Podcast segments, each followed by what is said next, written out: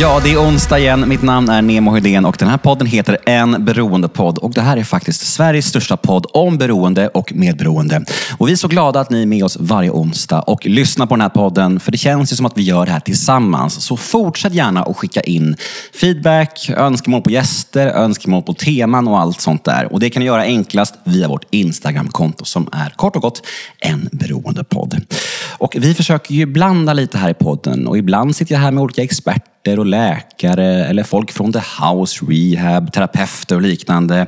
Och ibland sitter jag här ensam med en gäst. Och idag är det det sistnämnda när jag har fått hit en vän från tolvstegsvärlden. Och hon är en sån här kvinna som jag inte träffar så himla ofta, men när vi väl träffas så är det som att um, ja, man känner att vi är nära vänner på något sätt. Det är en ganska speciell relation, sån där som man har med vissa människor. Att uh, Vi tycker väldigt mycket om varandra och, och, har en väldigt nära relation kan man säga. Men vi ses och hörs inte så ofta. Och så blir det liksom med vissa i tolvstegsvärlden. Det blir ganska speciellt. Och jag tänkte vi kan prata lite med henne om det också, bland mycket annat. Säg varmt välkommen till Linda Bokvist. Tack Nemo. Hej. Hej. Vad skrattar du åt? Fint intro. Tack. Jag blir lite rörd faktiskt. Fint att se dig igen. Mm. Tack, mm. detsamma. Det är ju verkligen sådär att det är vissa, eller ganska många i rummen, så känner man sig nära med fastän man typ nästan aldrig hörs eller mm. ses. Mm. Mm. Och det blir ju, vi kommer in nästan samtidigt ju. Mm. Och då blir det ännu mer att man har en speciell connection liksom, som bara ligger där som en bas i en relation på något sätt. Gud ja, verkligen. Hur många år har du nu, nykterheten? Jag tar åtta år i augusti. Ja. Du var en av dem som satt där när jag kom in. Uh, så att, ja, du har hjälpt mig otroligt mycket. Verkligen. Satt där och häckade. Nej. Och sa att allt blir bara bra, gör stegen, ta en sponsor, tjoho! Ja, nej men du, jag kommer ihåg att du drog din live story på ett av mina första möten som jag gick på. Mm. Och det var så här, det som landade hos mig var då att du sa så här, men festen är slut. Mm. Eller liksom, det var inte kul längre. Och det landade så väl hos mig just då. För att jag gick runt och var i en period där jag var så här, men fan vad tråkigt. Liksom. Ska det bli tråkigt nu att bli nykter? Kunde inte alls se sanningen att så här, men de sista åren hade inte varit så jävla kul. Liksom. Och det påminner du mig verkligen om. Så jag kommer ihåg det. Jag bara wow, just det. Jag såg så sanningen. Jag bara, det har inte varit fest på aslänge. Men det där självbedrägeriet tror jag att det är många av oss som bär på. Och det är så himla svårt när man är i det, för man blir mm. så förljugen ju. Mm. Och, och, sista åren för mig var verkligen så att jag satt liksom, under mycket ensampundande och man var alltid sist kvar och det var liksom misär. Men ändå så var man så rädd för nykterheten för att då skulle festen ta slut. Ja. Alltså vilken jävla fest! Den är ju slut för länge, länge sedan. Jag vet. Så det, är så, det är så förvridet och skevt. Ja, ja, ja. Jag fattar inte. Men Helt det, galet. Det är väl en del av sjukdomen antar jag. Mm. Du, eh, jag vet ju om att du har varit lite nervös inför ja. detta. Ja. Hur är känslorna nu och varför har du varit så nervös? Gud. Um, alltså jag var ganska lugn när du frågade mig för en vecka sedan. Då var jag så här, ja men det är cool, lugnt. Uh, men sen så började tankarna så vandra igår. Då började jag så oroa mig lite. Och jag vet inte egentligen varför. Alltså, jag tänker att det är någonting nytt. Jag brukar inte sitta så här. Um, så att det är bara så här, det är okänd mark för mig. Liksom. Mm. Så det är lite läskigt. Jag är skitskraj. Men uh, jag är bara liksom glad att få vara här och att jag dyker upp. Mm. Ja, det är jag med. Det är vi med. Jag, jag har duckat sånt här så länge. Det är så många som har frågat mig, kan du ställa upp och tala på möten och så här? Och jag bara, nej, flyr, vill inte. Läskigt. Mm. mm. Men uh, det är ju mm. som du skrev där i smset, så här, ja, men, att du tror att min story kanske kan hjälpa någon. Och då måste jag tacka ja. Det känns som min plikt idag. Mm. Snygg taktik av mig, eller hur? Att lägga fram det så. Ja, jag vet. Ja, jag vet, jag vet ju vad jag säger, tro mig. Det är så man får folk att säga ja. Din story kan hjälpa människor. Nu måste du säga ja. Det är ju så. Det är så. Det är, det är, det är, alltså, det är ju sant. Mm. Och det är, vet ju både du och jag att när man har gjort de tolv stegen så eh, har man chansen att hjälpa någon som kämpar så, så tar man den. Liksom. Mm det hör ju till. Mm. Men jag vet ju om nu när du säger att du har haft ett motstånd mot att tala och så. Det, det kommer jag på nu när du pratar om det. Ja. Eh, att, det gör mig extra glad över att du faktiskt är här. Ja, ja. jag är också glad att vara här. Mm, bra. um, om vi ska ta oss tillbaka och, och, ta din story lite från början. Mm. Vart tar vi oss då? Åh gud, hur långt tillbaka ska vi gå? Ska vi börja uppväxt i Södertälje utanför mm. Stockholm? Eh, mamma, pappa, äldre bror, tio år äldre. Eh, en halvbror från pappas sida. Eh, honom har jag aldrig bott med. Han har bott med sin, med sin mamma. Ehm, mm, som barn så var jag en jävligt glad unge. Alltså, jag så här, älskade att stå i centrum. Showade massor. Alltså, livet lekte verkligen. Jag var inte rädd för någonting. Mamma brukar alltid säga det, så här, men du gick inte fram på gatorna. Alltså, du dansade och sjöng fram på gatorna. Ehm, så att... Eh, haft en jättefin så här, barndom på alla sätt. Inte saknat någonting. Väldigt tryggt på många sätt. Ehm, ja, men aldrig saknat någonting. Jag var en jävligt bortskämd unge. Ehm, men när jag tänker tillbaka, så här, någonting som jag reflekterat kring är att jag upplevde det som att vi inte pratade särskilt mycket känslor. Mm. Men så att jag var en skitglad unge. Eh, och det här var väl så här, ja men det höll i sig liksom fram tills kanske, jag vet inte vad det var, lågstadiet, mellanstadiet, så här, femman, sexan. Eh, vi var alltid ute på väldigt mycket resor. Min pappa älskade att åka till USA. Så vi var alltid ute på, ja, men jag fick se så jättefina platser. Och, och så var det, mm, ja, men det var ett eh, sommarlov där som ja, men jag var ledig och hade så en jättefin fröken som men bad mig att liksom skriva ner så dagbok från de här platserna jag besöker. Så att jag kunde ta med mig det och läsa upp för klassen. Och fram tills dess, alltså jag kommer ihåg att någonting hände där. För jag kom tillbaka efter det här sommarlovet och, och fröken var så här, gå upp och liksom, berätta för klassen nu vad, vad, vad du har skrivit. Och så stod jag där framför alla och skulle läsa upp det här. Och jag bara känner så här, hur rädd jag blir. Helt plötsligt från ingenstans. Jag hade älskat att showa. Älskar att stå i centrum. Men där och då så liksom någonting förändrades i mig. Och... Vad var det som förändrades tror du? Och var kom det ifrån? Alltså jag vet inte. Jag tänker idag att det var någon slags panik, panikångest. Mm. Det blev skitläskigt eh, att alla liksom tittade på mig. Um, och jag kommer ihåg att jag stod där och läste upp den här dagboken och var så här, liksom, rösten bara vek sig, jag fick ingen luft. Jag ville bara fly. Liksom. Um, och någonting hände liksom, efter det. Det var, så här, det var en stor grej för mig. Det var nya känslor som jag aldrig hade känt. Så jag blev livrädd. Det var så här, vad hände? Och var kom det därifrån?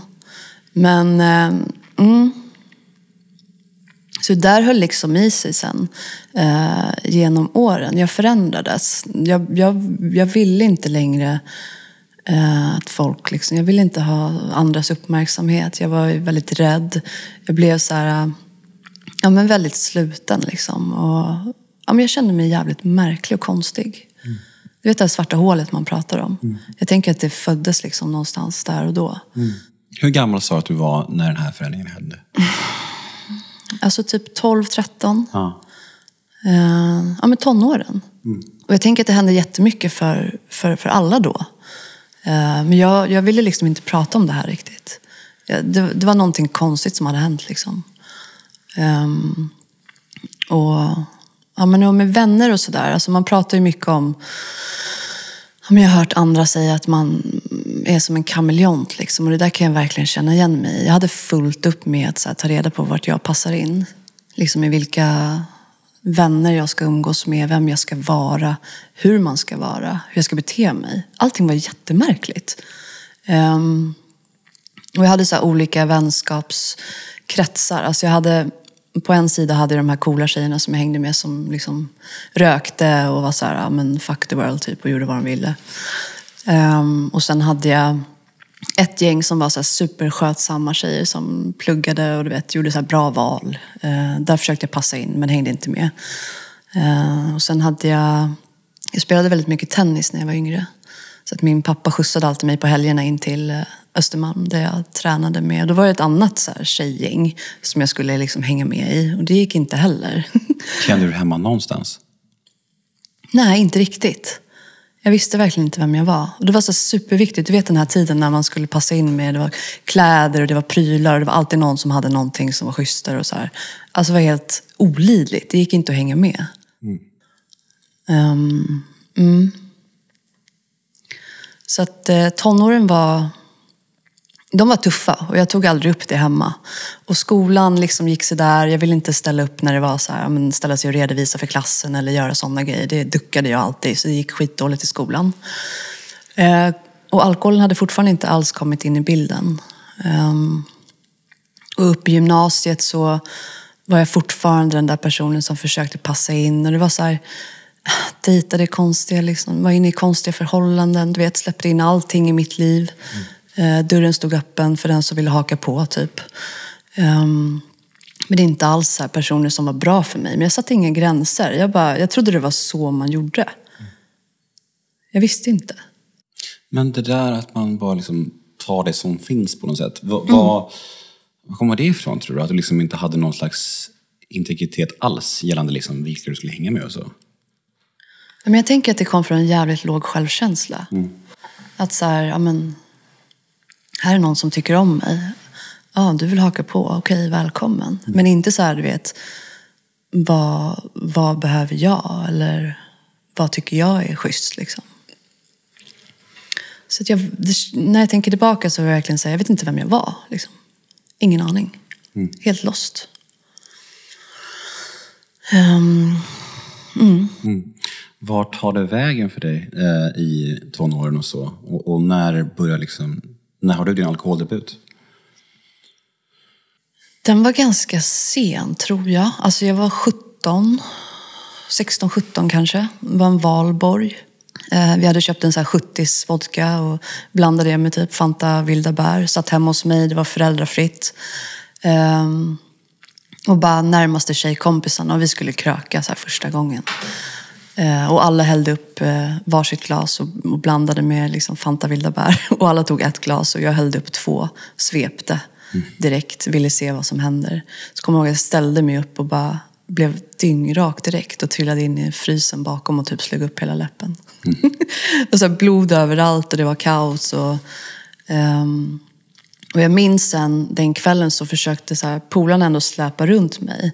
Ja, men det var valborg, vi skulle ut på stan och jag hängde med men, men ändå inte. Um, och gjorde bort mig och du vet, ja men allt möjligt. Och sen så så den här fysiska allergin som vi snackar om i 12 det här mm. extrema merbegäret, mm. det var ganska direkt för dig eller? Alltså jag, nej, jag tänker inte att liksom en alkoholist föddes där och då. Utan det var liksom inte en stor grej. Eh, jag vet inte varför det blev som det blev, men jag drack för mycket. Mm. Eh, och eh, det fick konsekvenser. Men jag kommer ihåg sen att jag kom tillbaka till, till skolan liksom, efter den där valborg och folk var ändå så här, wow, tja, fan du, du var helt skev. Liksom. Vad, jävlar vad du festade på. Och jag var typ så här, ja ah, okej, okay. ah, kanske var lite cool ändå. du vet, så här, någon såg mig.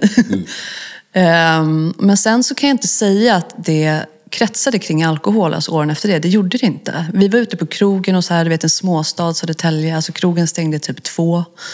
Ehm, man var ute, eller jag var ute, tog några drinkar, typ dansade och sen käkade man typ på Max och sen så gick man hem. Liksom. Så att alkoholen var inte i fokus. Uh, inte alls. Men uh, sen fortsatte livet och uh, Ja, men skolan gick inget bra. Mina föräldrar ruttnade. Jag gick ut gymnasiet med pissdåliga betyg och jag, ja, men, jag körde bara runt i min bil som jag hade fått typ och rökte och gjorde revolt. Liksom. Så att det kom till ett läge där pappa ruttnade och var så här, men nu, nu, nu fixar jag ett jobb till dig liksom, in i stan. Nu, nu får du fan börja jobba. Men han fixar jobb till dig, din farsa. Mm. Hur gammal är du då och vad är det för jobb? Jag är typ kanske 19-20. Jag hade gått om så ett år i gymnasiet. Eh, så att, ja, men jag var nog typ 1920 tror jag, när jag gick ut gymnasiet. Och, eh, ja, men så han löste sig, jag fick komma på en intervju. Det var så här frukostvärdinna inne på ett hotell inne i stan, alltså i Stockholm då. Ehm, och, så jag gick på den där intervjun och fick det här uh, jobbet. Uh, och och eh, ja, men började jobba där. Alltså, det var så här skittidiga morgnar. Jag åkte från Södertälje typ 04.15, första pendeln in. Eh, och så jobbade jag ja, 6-7 timmar där. Och där hände någonting. För jag hade, sett, alltså, jag hade känt mig som en stor jävla besvikelse under alla år. Så här, jag fick inte ihop skolan. Jag uppfattade det som att familjen var besvikna och jag ja, men jag gjorde inget bra ifrån mig. Liksom. Och på det här jobbet fick jag för första gången gå in och, ja, men det, det var värsta skitjobbet. Så här, in tidigt, servera. eh, fixa och dona liksom. Och jag var så här, fan, första gången jag är bra på någonting. Alltså sitta i skolbänken hade inte varit min grej. Nu fick jag ut, vet, jobba med kroppen, göra grejer. Och jag tyckte det var skitkul. Um, och vad gör jag när jag tycker saker är kul? Går all in i det. Så att jag jobbar ju så här 12 timmar, typ 60 dagar i rad. Och du vet, bara älskar det. Och så här, får en lön och kommer hem och föräldrarna är så här, åh, schysst, liksom, bra jobbat. Vet, äntligen har jag hittat någonting som jag är bra på. Eh, så då är jag inne i krogsvängen. Och mm, på det här stället då så jobbar ju folk också kväll. De jobbar i baren, de jobbar i, i restaurangen. Och mm, Ja, men de hade så ett skönt surr. Du vet, de var ute på kvällarna efter jobbet och, och tog en AV och sen så kom de tillbaka dagen efter så pratade alla om hur kul de hade haft kvällen innan. Så, här. så jag ville jobba kvällar. Jag ville liksom jobba med det där gänget. De verkade ha kul. De verkade ha hittat någonting. Så jag jobbade mycket där i baren och eh, knegade på, men fortfarande inte att alkoholen var så här, eh, liksom min grej. Jag hängde med ibland, men i den här vevan så träffade jag jag började dejta min eh, chef där på det stället. Och vi blev tillsammans och vi blev störtkära. Och, så jag hade typ inte så mycket tid att tänka på att, eh, att festa liksom. Mm. Men eh, jag var helt besatt av jobbet. Jag ville vara bäst hela tiden. Jag var så här lack på kollegor som inte gjorde det de skulle. Eh, helt liksom insyltad. Jag kan se det idag, så här besatthet. Och jobbade upp mig såklart skitfort. Du vet, alla cheferna älskade mig. Jag var, jag var ju där hela tiden. Du vet, gjorde allting rätt. Så, eh, så att jobbet var min besatthet där ett bra tag. Men eh, jag och den här killen då, vi flyttade ihop väldigt snabbt. Vi, vi skaffade lägenhet, han var så superfin. Eh, våra familjer mådde bra, vi hade bra jobb, vi mådde bra. Liksom. Eh, men det var någonting som så här, hände i mig. Alltså, jag, jag är aldrig nöjd. Liksom. Det här svarta hålet igen. Jag kommer ihåg att jag tänkte det. Jag bara, vad fan är jag så liksom, missnöjd? Mm. Vad är det som saknas? Um, och det där började så gå ut över vårt förhållande. Han bara, vad händer liksom? Jag bara, jag, jag vet inte, du vet. Och i den vevan började jag också få så här panikångestattacker. Alltså vi hade varit iväg på någon resa till Thailand. Du vet, man sitter i flyget så här tio timmar. Och då från ingenstans fick jag så här, jag måste ut.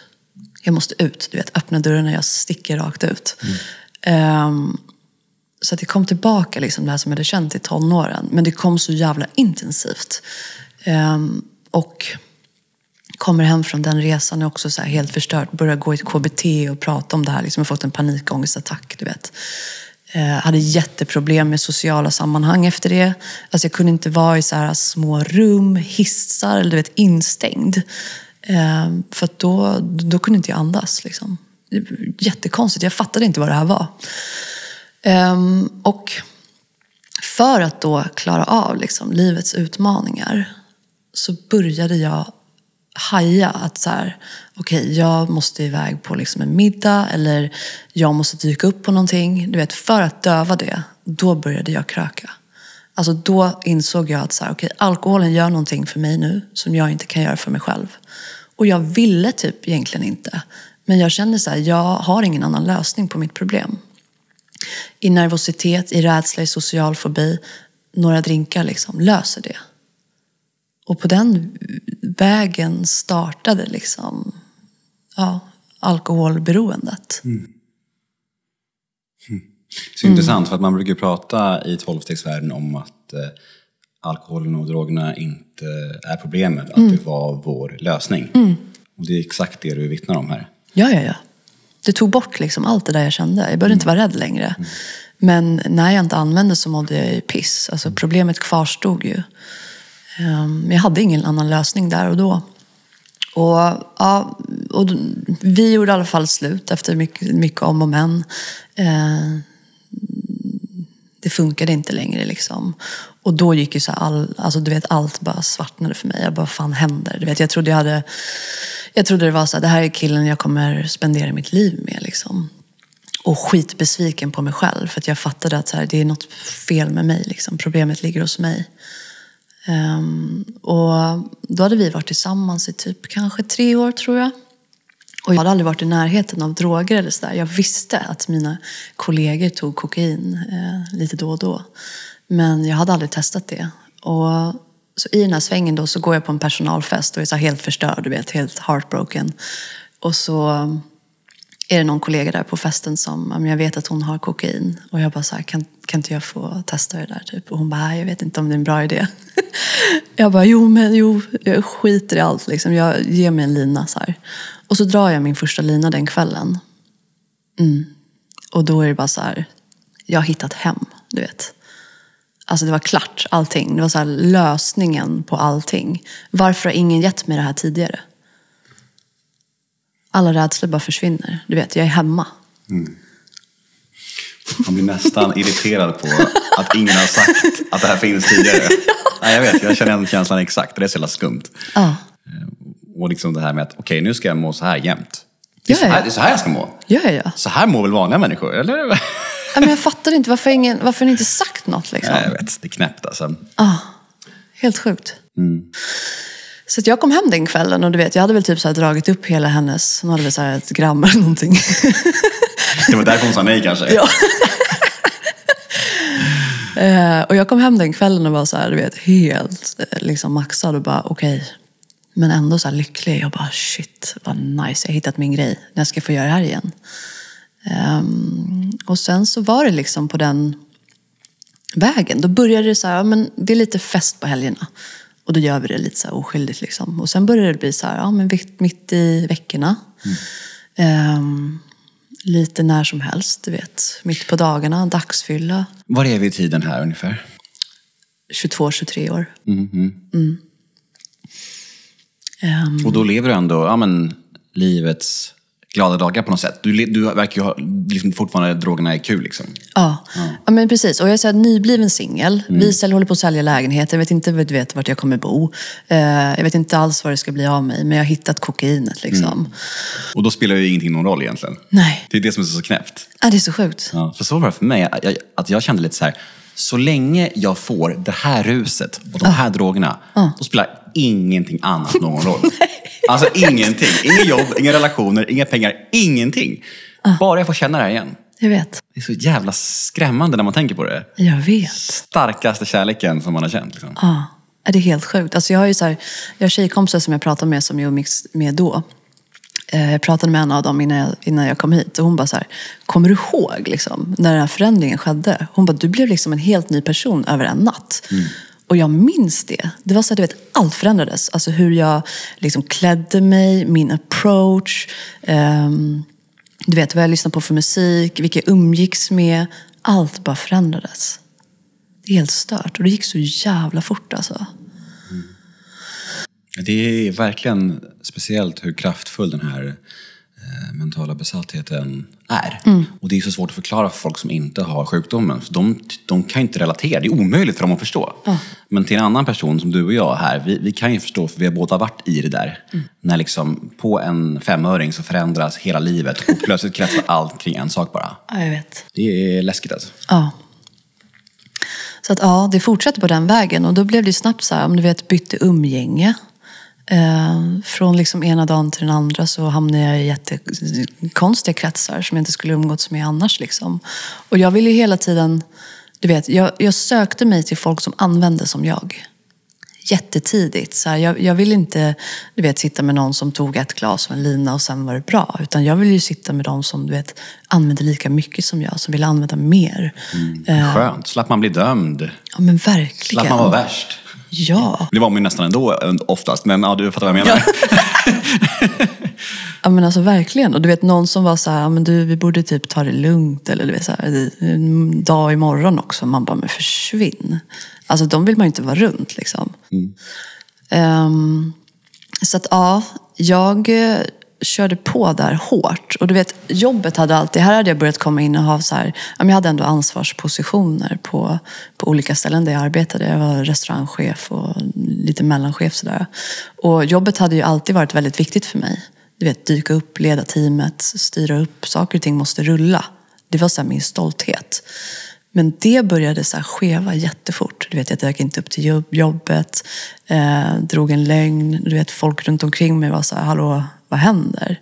vem är det här? Du vet. Um, så att kokainet tog över helt. Andra saker var inte lika viktiga längre. Så det gick fort utför. Alltså jag skulle säga så att när jag tänker tillbaka så är det typ, det kanske var så fyra, fem månader som var fest. Det var kul. Alltså jag var ute på krogen. Vi, vi stod på nattklubbar. Man var ute och käkade middag. Man snackade med folk. Det var så här, det var roligt liksom. Men efter sex månader, då var det så här, det var så stora konsekvenser du vet, varje gång jag använde. Så det var bara så här, jag vaknade upp ur den ångesten. Allt man liksom har ställt till med. Och du vet, jag gjorde av med pengar. Jag, eh, ja, men, jag körde ju bil på den här tiden. Du vet, den var ju så här bortboxerad var och varannan dag. Jag höll inte reda på mina grejer, dök inte upp till jobbet, kunde inte hålla reda på mina lögner längre. Och bara så här försöka låtsas liksom att allt är under kontroll. Täcka upp lögner med nya lögner. ja. det, det är rörigt alltså. Det är jävligt rörigt. Um, för när jag använde, då var det frid och fröjd. Du vet, inga problem, ingen morgondag. Jag ville vara i det hela tiden. Men sen att vakna upp ur det liksom och vara så här, du vet, 300 missade samtal, 7000 mejl, folk som har ringt, du vet, oh, glömt massa noter från igår, du vet, bara ångest. Och jag hade ju liksom andra vänner som, som kanske inte använde lika mycket som jag, som ja, men, partajade liksom. Och de kunde ju vakna och säga, ja, jag är lite bakis men jag går ändå ut och käkar lunch och du vet, det är lugnt, man kan garva lite åt gårdagen. Men jag var ju bara så här, du vet, jag vill inte gå ut. Jag vill bara dö med min, ligga i min ångest liksom. Jag fungerar inte dagen efter. Mm. Hur, hur länge pallar man leva så här? Det är helt sjukt, för jag stod ju typ ut med det där i typ tre, fyra år. Mm. Um, Fanns det en tanke på att göra en livsstilsförändring eller på att du kanske faktiskt hade problem på riktigt? Eller, eller vad pågick i ditt huvud liksom? Ja, jag skrattar lite. För ja, det kom ju såklart en tanke om att varje morgon liksom, när jag vaknade där mm. så var det verkligen så här, nu räcker det. Nu räcker det. Du vet, jag pallar inte det här en gång till. Så att jag vet inte hur många gånger jag har lovat mig själv att så här, tagga ner, lugna ner mig eller lägga av. Um, det var hela tiden. Men så gick det några timmar. Alltså så här, en klassisk liksom vecka i mitt liv. Det, det var så här, men jag jobbade krogen, på krogen onsdag till lördag. Då hade jag så här schemalagt mig själv att jag var där så här 12 timmar varje dag, de dagarna. Då kom jag till jobbet typ så här vid tre. Och sen så slutade jag jobbet vid 03. För då var det så här, men då, då, då, då är krogarna stängda. Då kan jag inte ta liksom ett glas efter jobbet. Och jag måste ändå funka på jobbet. För på den här tiden så då var jag ändå liksom ansvarig på ställen där det var så här, du vet, fyra barer, en restaurang, 50 anställda. Alltså du vet, det är problem som måste lösas hela tiden. Jag måste liksom vara med. Mm. Dyker jag upp och inte har sovit eller har liksom knarkat kvällen innan, då är jag, då är jag fucked. Liksom. Hjärnan funkar inte. Um, men så att min plan var så här, ja, men jag jobbar stenhårt onsdag till lördag och sen så söndag, måndag, tisdag så, så kan jag göra vad jag vill typ. Så jag kämpade mig ju igenom de där dagarna. Du vet, det, var, det var ju en röst i mig som var så här, men ett glas kan du ta, liksom, ett glas efter jobbet. Men jag kämpade mig verkligen genom att inte använda de dagarna. Och sen så här, kom söndagen, då bara tjing, så här, vaknade vi elva, bara upp, ta en dusch, du vet, raka vägen till Sturehof, ta ett glas och sen så två timmar senare så är liksom showen igång, du vet. Och då, var jag, då använde jag så här, ja, men, två, två dagar i sträck liksom. Och tisdagen går åt till att så här, ligga hemma, dödsångest, bara försöka så här, typ äta något och bara bli människa. Och sen in på jobbet så här, på onsdagen igen. Liksom. Mm. Och det där var min enda lösning typ. jag tänkte så här, kan jag kontrollera det så här, då funkar det. Men det höll ju inte sen i längden. Det, det funkade ju bara ett tag liksom. Och sen använde jag på daglig basis. Um, och gick till jobbet så här, utan att ha sovit. Ja, men du vet, sovit 30 minuter och bara dyker upp. Jag vet inte ens vem jag är. Um, ett spöke som kommer in på jobbet. och bara mår piss liksom. Är det någon som säger något? Ja, jag hade lite kollegor som var så här, du, du kanske behöver liksom lugna ner dig lite. Och ja, jag vet. Mm. Så här. Men eh, jag visste inte hur. Men jag vågade aldrig säga till någon så här hur riktigt fruktansvärt jag mådde. Och jag hade typ inte... Jag kunde inte fatta där och då att det var så här, ja men alkoholen och drogerna eh, är, är ett stort problem för mig. Liksom jag fattade att så här, det ställer till det lite, men jag tänkte så här, men jag måste eh, jag måste ha bättre karaktär, typ. Eller jag, jag saknar självdisciplin. Eller, och ett tag var jag så här, men fan jag måste vara psykopat, typ. Mm. Alltså jag visste inte vad det är för fel på mig. Jag hade inte hört talas om så här, att det här är en sjukdom. Jag fattade inte vad ett beroende var. Um, så att jag, var helt, eh, jag var helt chanslös. Men det är också så svårt att, känna att det ska vara liksom problemet här när det faktiskt är också det som har fått dig att må bra i ett liv där du har mått så dåligt så mycket. Ja. Så det här var ju min lösning ju. det här var ju liksom det som fick mig att leva och känna någonting. Ska jag, det tar tas ifrån mig. Det är det enda jag har på något sätt. Ja, ja, ja. Även om det förstör mitt liv, det kan man se på något sätt. Svårt mm. för mig, men mm. så ska det ska ta bort det enda mm. jag har. Jag vet. Det är så jävla bisarr tankeloop på något sätt. Ja. Ja, det var helt sjukt. Men så jag stod ut det där i flera år och du vet, under den här tiden också träffade någon, eh, en eh, kille som var så här råkriminell och du vet, eh, blev tillsammans med honom och det var också så helt skevt allting. Alltså, jag kunde lova han att så här, men jag, jag ska inte använda mer. För han blev ju jättekär i mig och liksom jätteorolig. Han var den första som sa så här, fan du, du använder jävligt onormalt liksom. När du är igång. Du blir en helt annan människa. Tänk att en råkriminell säger det. Jag vet. Av alla människor liksom.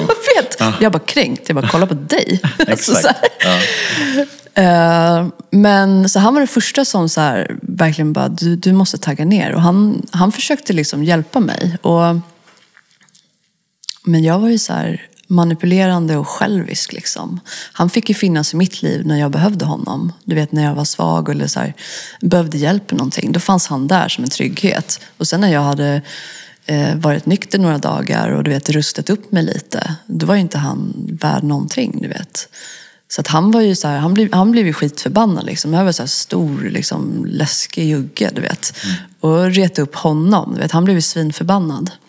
Um, och kom till en punkt där jag bara så här, jag, jag gör slut nu liksom. Jag vill inte vara med om det här. Han bara, det är inte slut förrän jag säger att det är slut. Mm. Liksom. Mm. och då satte jag skiten där och då kunde jag inte se så hur jag själv sätter mig i den här sitsen. Så det blev ett jättedrama och familjen blev inblandad. Och jag behövde fly för stan och det var liksom jättesynd om mig och hej och hå, du vet. Um, men jag sätter mig själv i de här situationerna. Men där och då så kan jag inte se det. Jag tycker jag har lite otur, liksom. hamnar i konstiga situationer. Mm. Men efter den här juggen då, hur lång tid är det då tills du faktiskt eh, blir clean? Eh, två och ett halvt år ungefär. Mm. Eh, Vår relation är jättestormig. Alltså, den är så destruktiv så att jag, jag kan inte förklara. Liksom. Det var så här, polisen var hemma jämt och det var grannar inblandade och det var... Ja men du vet, han jagade mig på stan för att det var så här konstant att jag bara, jag skulle lugna ner mig. Och sen så stack jag iväg på någonting. Liksom. Och han hittade mig på krogen och typ bar iväg mig. Och du vet, det var, det var en jävla storm allting. Och, men i den där vevan så um, åkte han in uh, för någonting. Och uh, då var det liksom fritt fram för mig. Det var ingen som höll koll på mig längre eller höll mig tillbaka. Så då härjade jag fritt. Du vet, jag kunde använda knarka och kröka hur mycket jag ville. Det var ingen som stod utanför mig och väntade på mig eller vaktade på mig. Liksom. Så där blev jag också så här, verkligen ett startskott in i så här, nu kan jag göra vad fan jag vill. han var den enda som hade så här, hållit mig tillbaka. Liksom. Men han, eh, åker in för ett brott. Um, och jag vaknar en dag av att det knackar på dörren och då är det så här, men du vet, husransakan, följ med här, du vet vad det handlar om. Typ. Jag bara, ja, tror jag vet vad det handlar om. Så här. De bara, nej fast du är misstänkt för medhjälp till det här brottet. Liksom. Och jag bara, shit. Jag tror jag hade sovit så 30 minuter. Varit ute och härjat kvällen innan såklart. Uh, och de plockar in mig och då är det så här, shit, nu är det skarpt läge, du vet dags att vakna till. Vad händer? Um, får sitta i så här långa förhör kring det här och är helt så här fortfarande bara, hur fan hamnade jag här? Uh, blir släppt till slut, inget åtal. Jag kommer ut. När jag sitter där inne så är jag så här, nu, nu måste en ändring ske i mitt liv. Liksom. Det är kaos, hur fan har jag hamnat här? Och så fort jag kommer ut så är det så här, ah, ute. nu är det fest. Direkt. Ehm, och det var, så, det var så det såg ut. Liksom. Helt sjukt. Det är som bortblåst, det här, du vet när det blir skarpt läge och man blir så rädd. Och lova sig själv, nu räcker det, nu fan räcker nu är botten nådd. Så här. Och så går man ut och så bara letar man reda på en ny botten. Exakt, det är därför det här uttrycket nå sin botten är så himla problematiskt får man säga. Ja. För att det liksom inte finns någon botten för oss eh, som har den här sjukdomen. För många av oss är ju botten när vi är döda. Liksom. Så att, att leta efter sin botten eller söka efter den, det är liksom något som jag och eh, Robert och Felix brukar prata om att det är ganska det förespråkar man liksom inte. Man måste känna någon emotionell botten såklart, en vilja till förändring. Men att söka efter sin botten, och det är liksom, jag tror inte riktigt det funkar. För att som du säger, jag har också haft eh, incidenter i mitt liv, så här, kompisar som har dött eller psykoser eller allt vad det nu är, där man känner så här, nu måste det bli en förändring. Men så går det liksom ja, några dagar, eller några timmar i slutet. Man bara så här, ja, en bra idé. En öl kanske. Eller du vet, så är det igång igen. Eh, Och, och det är där man måste få in den här kilen som vi snackar om i tolvstegsvärlden. Det här skyddet. Liksom. För har vi inte det här skyddet och har den här sjukdomen som du och jag har, då, kom, då är vi helt försvarslösa. Och det fattar man ju inte när man är i det där. Nej. Då tänker man ju bara att man har dålig karaktär eller dålig viljestyrka och allt vad det nu är. Men det handlar inte om det. Liksom. Det vet ju vi. Ja. ja, men exakt. För det där löftet att, att, att lägga av, det blir ju bara som bortblåst. Och man bara, vad fan tog det vägen? Och fattar ingenting. Vad är det som är annorlunda då när det väl händer för dig? Hur då menar du? Eh, när, du blir, när du blir clean? Ja. Vad trodde du? Eh, nej, men det som är annorl- blir annorlunda är ju att Ja, vad händer den här tiden liksom, fram till det, den vändningen? Liksom? Nej, men jag håller på och, och liksom krigar mig runt i vardagen. Försöker lösa allt det här. Liksom, men gräver mig djupare och djupare ner i en grav. Ehm, så att allting blir jobbigare och jobb, jobbigare. Liksom. Och det jag gör eh, är ju att jag dels hoppar jag runt på olika arbetsplatser. För när jag gjort bort mig tillräckligt mycket, då skäms jag. Och så här, då kan jag inte hålla uppe lögnerna längre. Så att då byter jag arbetsplats. Liksom. Bara, du vet, så här, börja om på ny kula. En ny färsk start. Liksom. Nu ska det bli ändring. Eh, börjar på en ny arbetsplats. Eh, håller i trådarna i typ så här två veckor. Och sen så, så gör jag bort mig igen. Eh, och ehm, men jag, alltså jag dör ju på insidan under den här tiden. Liksom.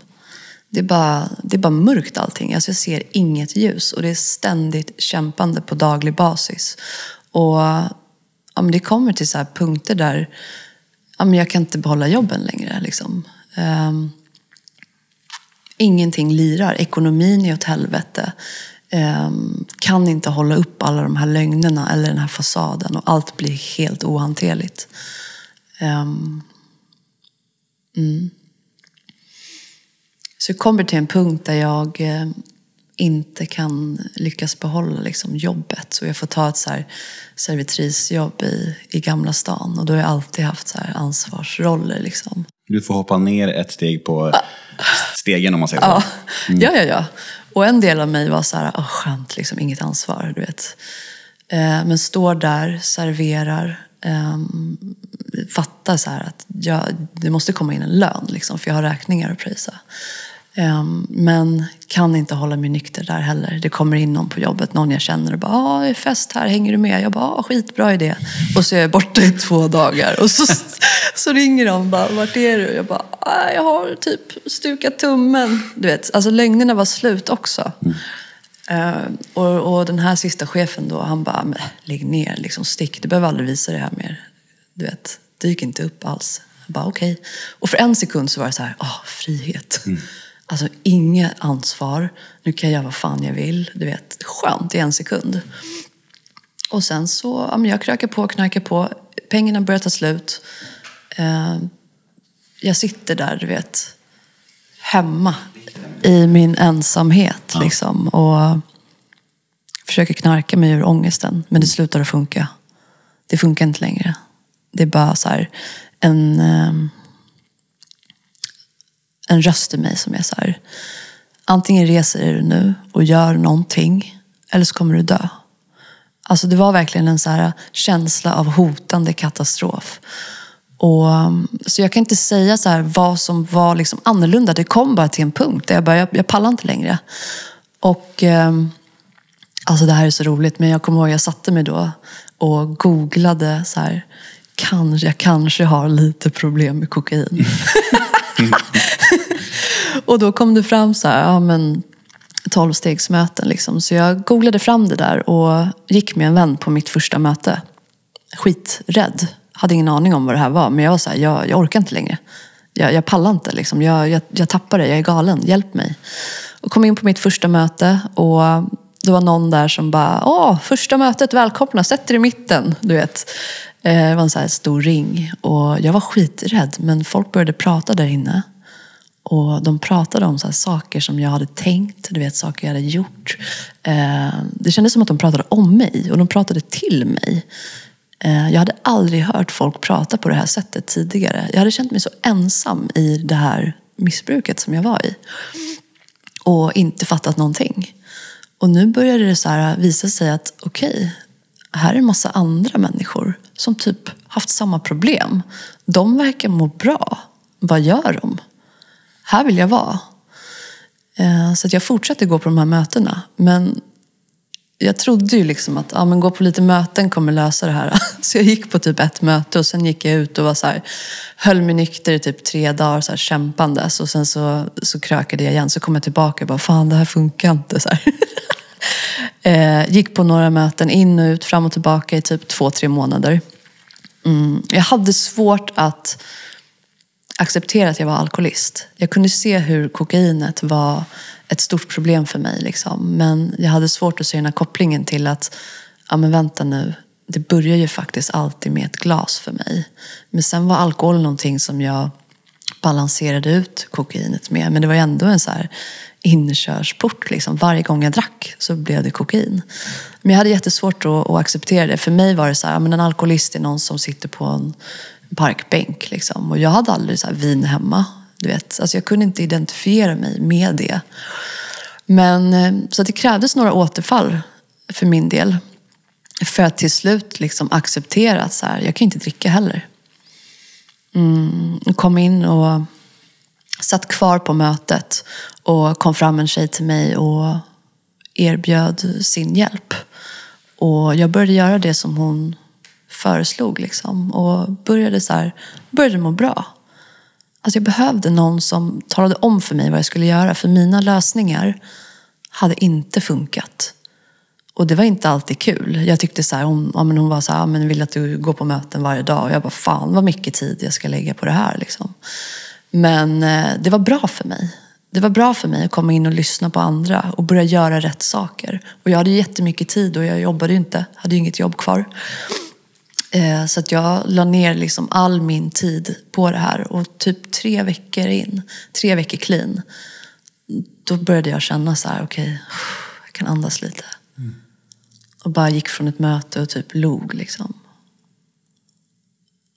Mm. Mm. Fin känsla. Mm, verkligen. Mm. Det är häftigt det där, det är när man har den här ampoletten som faller ner, någonting händer liksom. Mm. Eh, det är ju ganska luddigt det här, tycker vissa, det här med andliga uppvaknanden och så här. Men, mm. men på många sätt så är det, är det där mm. ett andligt uppvaknande, tänker jag. Mm. mm. De här små grejerna som förändras i en mm. under eh, processen, när man jobbar med sig själv. Det behöver inte vara stora saker, men någonting förändras. Något fundamentalt. Liksom. Ja, ja, ja. Man, man kanske börjar känna sig lite glad. Ja. Man kanske inte är sugen på alkohol och droger längre. Nej. Man kanske, ja, men någonting som ändå är så pass omtumlande och stort. Liksom. Ja, ja, ja. Du ska få berätta slutklämmen på din historia här. Eh, men innan vi gör det så ska vi eh, slänga in ett segment som vi kallar för The House svarar. Då har jag fått sällskap av Anna och Alicia från The House Rehab och vi ska tillsammans försöka besvara en lyssnarfråga. Hej Anna, hej Alicia. Hej hej! Hej! Hur mår ni i sommarsolen? Bra. Vi mår bra. Hur mår du? Jag mår jättebra. Ännu bättre sen ni kom in här faktiskt. Och välkommen hem Nemo. Du har ju varit iväg på äventyr och det är mm. härligt att ha dig tillbaka. Ja, vad härligt. Det är härligt att vara tillbaka. Och ni får se vilka äventyr vi pratar om på Discovery i höst. Mm. Cliffhanger. Eh, vi kör lyssnarfrågan som lyder så här. Jag har tänkt mycket på uttrycket eh, summan av lasterna är konstant. För det stämmer verkligen på mig. Jag behöver ha någon slags snuttefilt i livet jämt. Något att fly in i och bedöva mig lite. Jag pendlar mellan att använda alkohol, socker eller relationer på ett ganska destruktivt sätt. Har ni några tips för detta? Mm, tack för en jättebra fråga. Eh, och det låter som att du har identifierat eh, dina beteenden och behov. Liksom att du behöver en snuttefilt, skriver den här personen. Och, ehm, ja, ehm, i och med att personen också skriver hit så tänker jag att det kanske inte bara känns som en gosig snuttefilt utan också någon form av problem. Liksom. Jag glömde skriva Mvh Nemo under. Ja, för jag känner igen mig mycket i frågan faktiskt, på riktigt. Det är- Ja, men eh, vad ska jag säga? Alltså, vi pratade ju om det här lite tidigare, Alicia. Va, vad säger du? Nej, men jag tänker så här... Um, eh, att man kanske behöver gå till grunden och botten med varför man behöver de här snuttefilterna eller snuttefilten hela, hela tiden i olika eh, avseenden. Att det finns någonting inom en själv som aldrig kanske har riktigt någon ro eller man trivs inte med sig själv, vad vet jag. Men att man behöver ta till någonting utifrån hela tiden. Ehm, och att man kanske behöver gå till botten med varför. Precis som substansberoende eller sex, spel, shopping, socker, alltså vad det nu än är. Så är det någonting i ens inre. Som- Precis. Ja. Sen får väl personen också avväga om det faktiskt går ut över personens liv. jag. Alltså, alla de här sakerna kan ju också vara härliga grejer om det används på rätt sätt. Jag tror inte man ska bli för hård mot sig själv heller.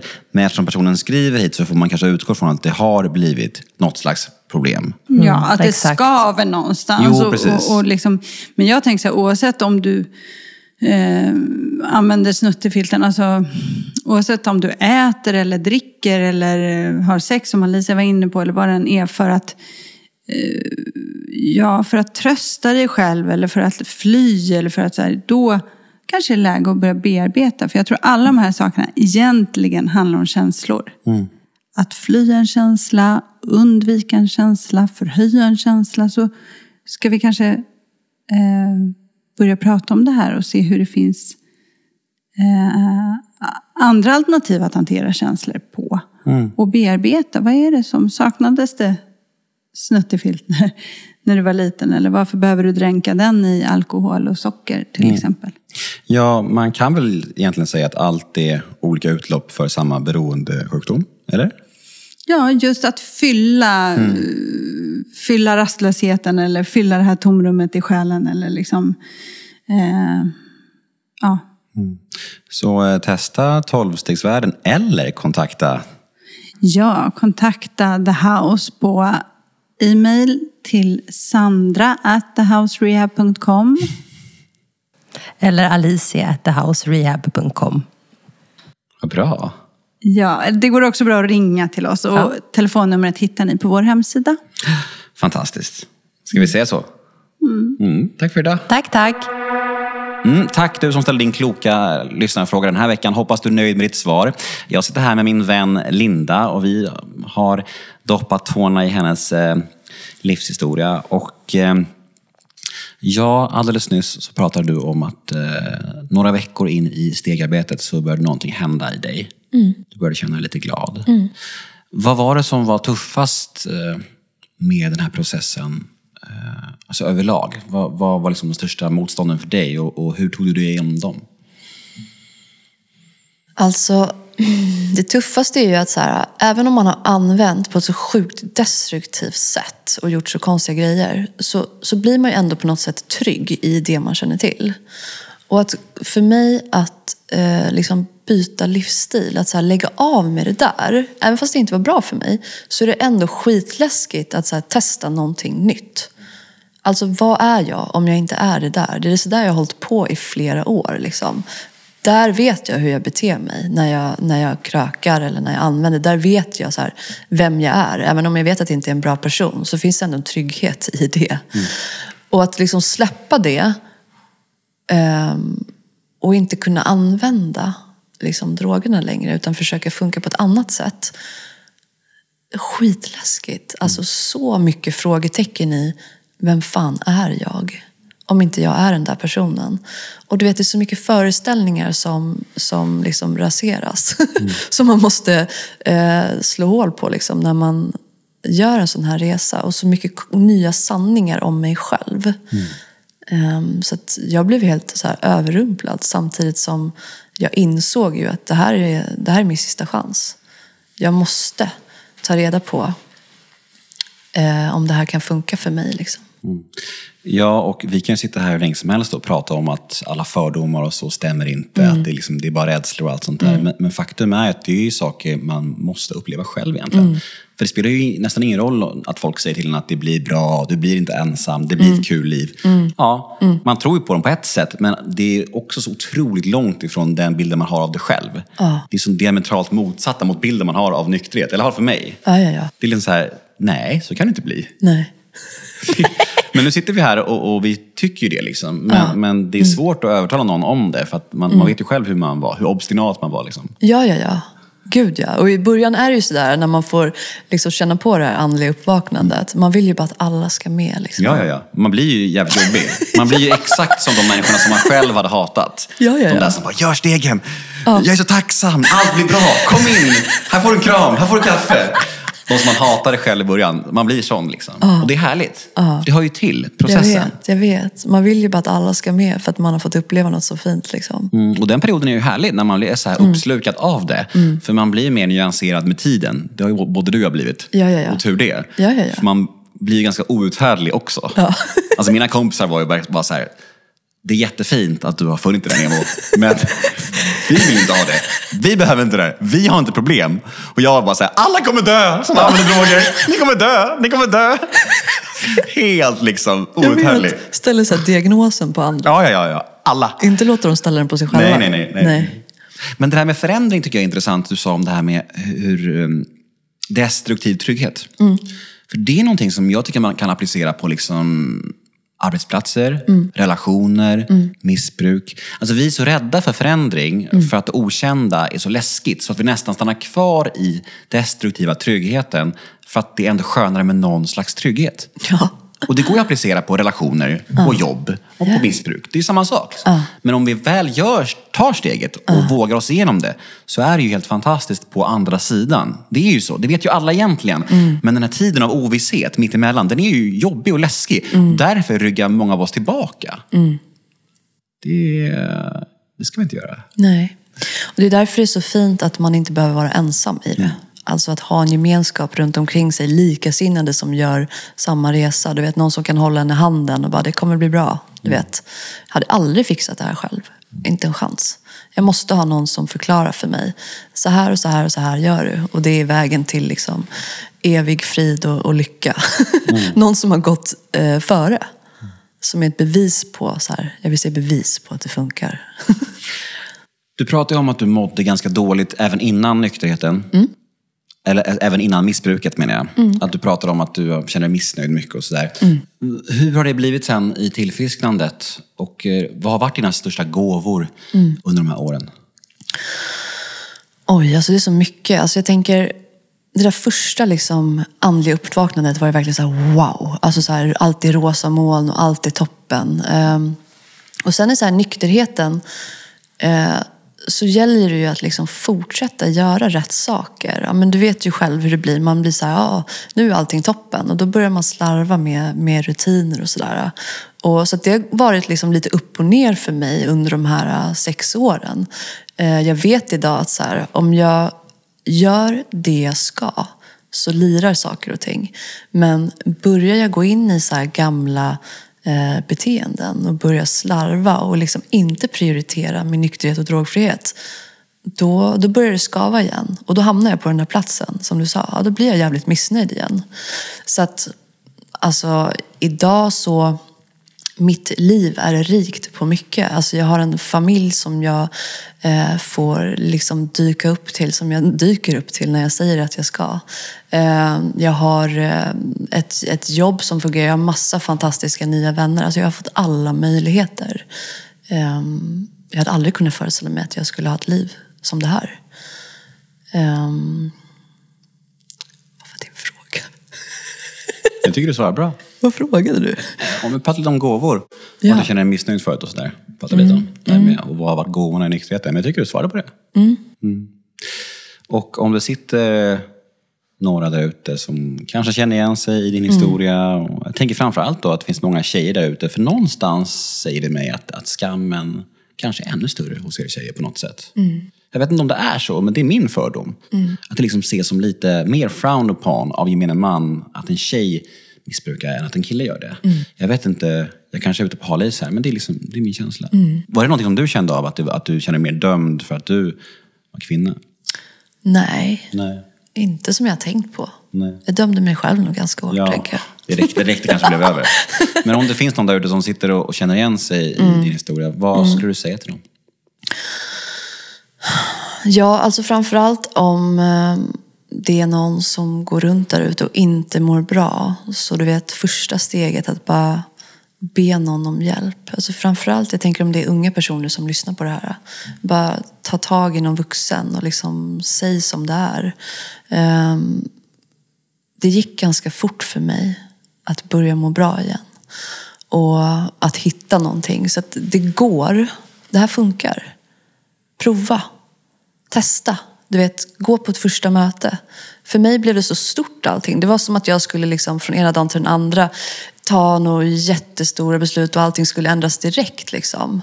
Men eh, man kan ju bara höra av sig. Jag vet inte hur man kan höra av sig hit. Men du vet, höra av sig, följa med på ett möte, be om hjälp, lyssna på vad det innebär. Du vet, prova. Det värsta som kan hända är att det blir skitbra. Mm, exakt, och det är liksom, bara för att man går på ett möte eller går och tar liksom en sittning hos The House Rehab så betyder inte det att man binder upp sig på Nej. evig nykterhet.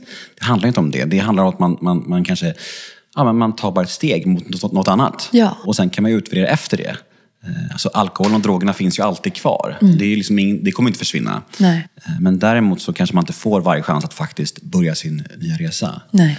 Så att, eh, men, bra sagt. Och jag tänker att man kan kontakta oss på Instagram, en beroendepodd eller mig, Nemo Hedén. Eller så kan man skriva till dig. Jag kan skicka, jag skickar tjejerna vidare till dig. Liksom. Gör det. Så, så ses vi i tolvstegsrummen. Liksom. Mm. Och, och tack Linda för att du kom förbi. Och tack för att du gick emot dina rädslor. Tack för att jag fick komma hit. Hur känns det nu? Ja, men det, känns, eh, det känns bra. Jag hoppas som sagt att det, någon kanske lyssnar på det här och, och vågar be om hjälp. Och det var det som var fokus idag. Jag tycker att eh, du gjorde ett eh, kanonjobb. Tack. Och tack alla ni som lyssnar. Det är så fint att ni är med oss vecka ut och vecka in. Vi gör det här ihop och vi hörs igen nästa onsdag. Var rädda om er så länge. Puss och kram. Hej då!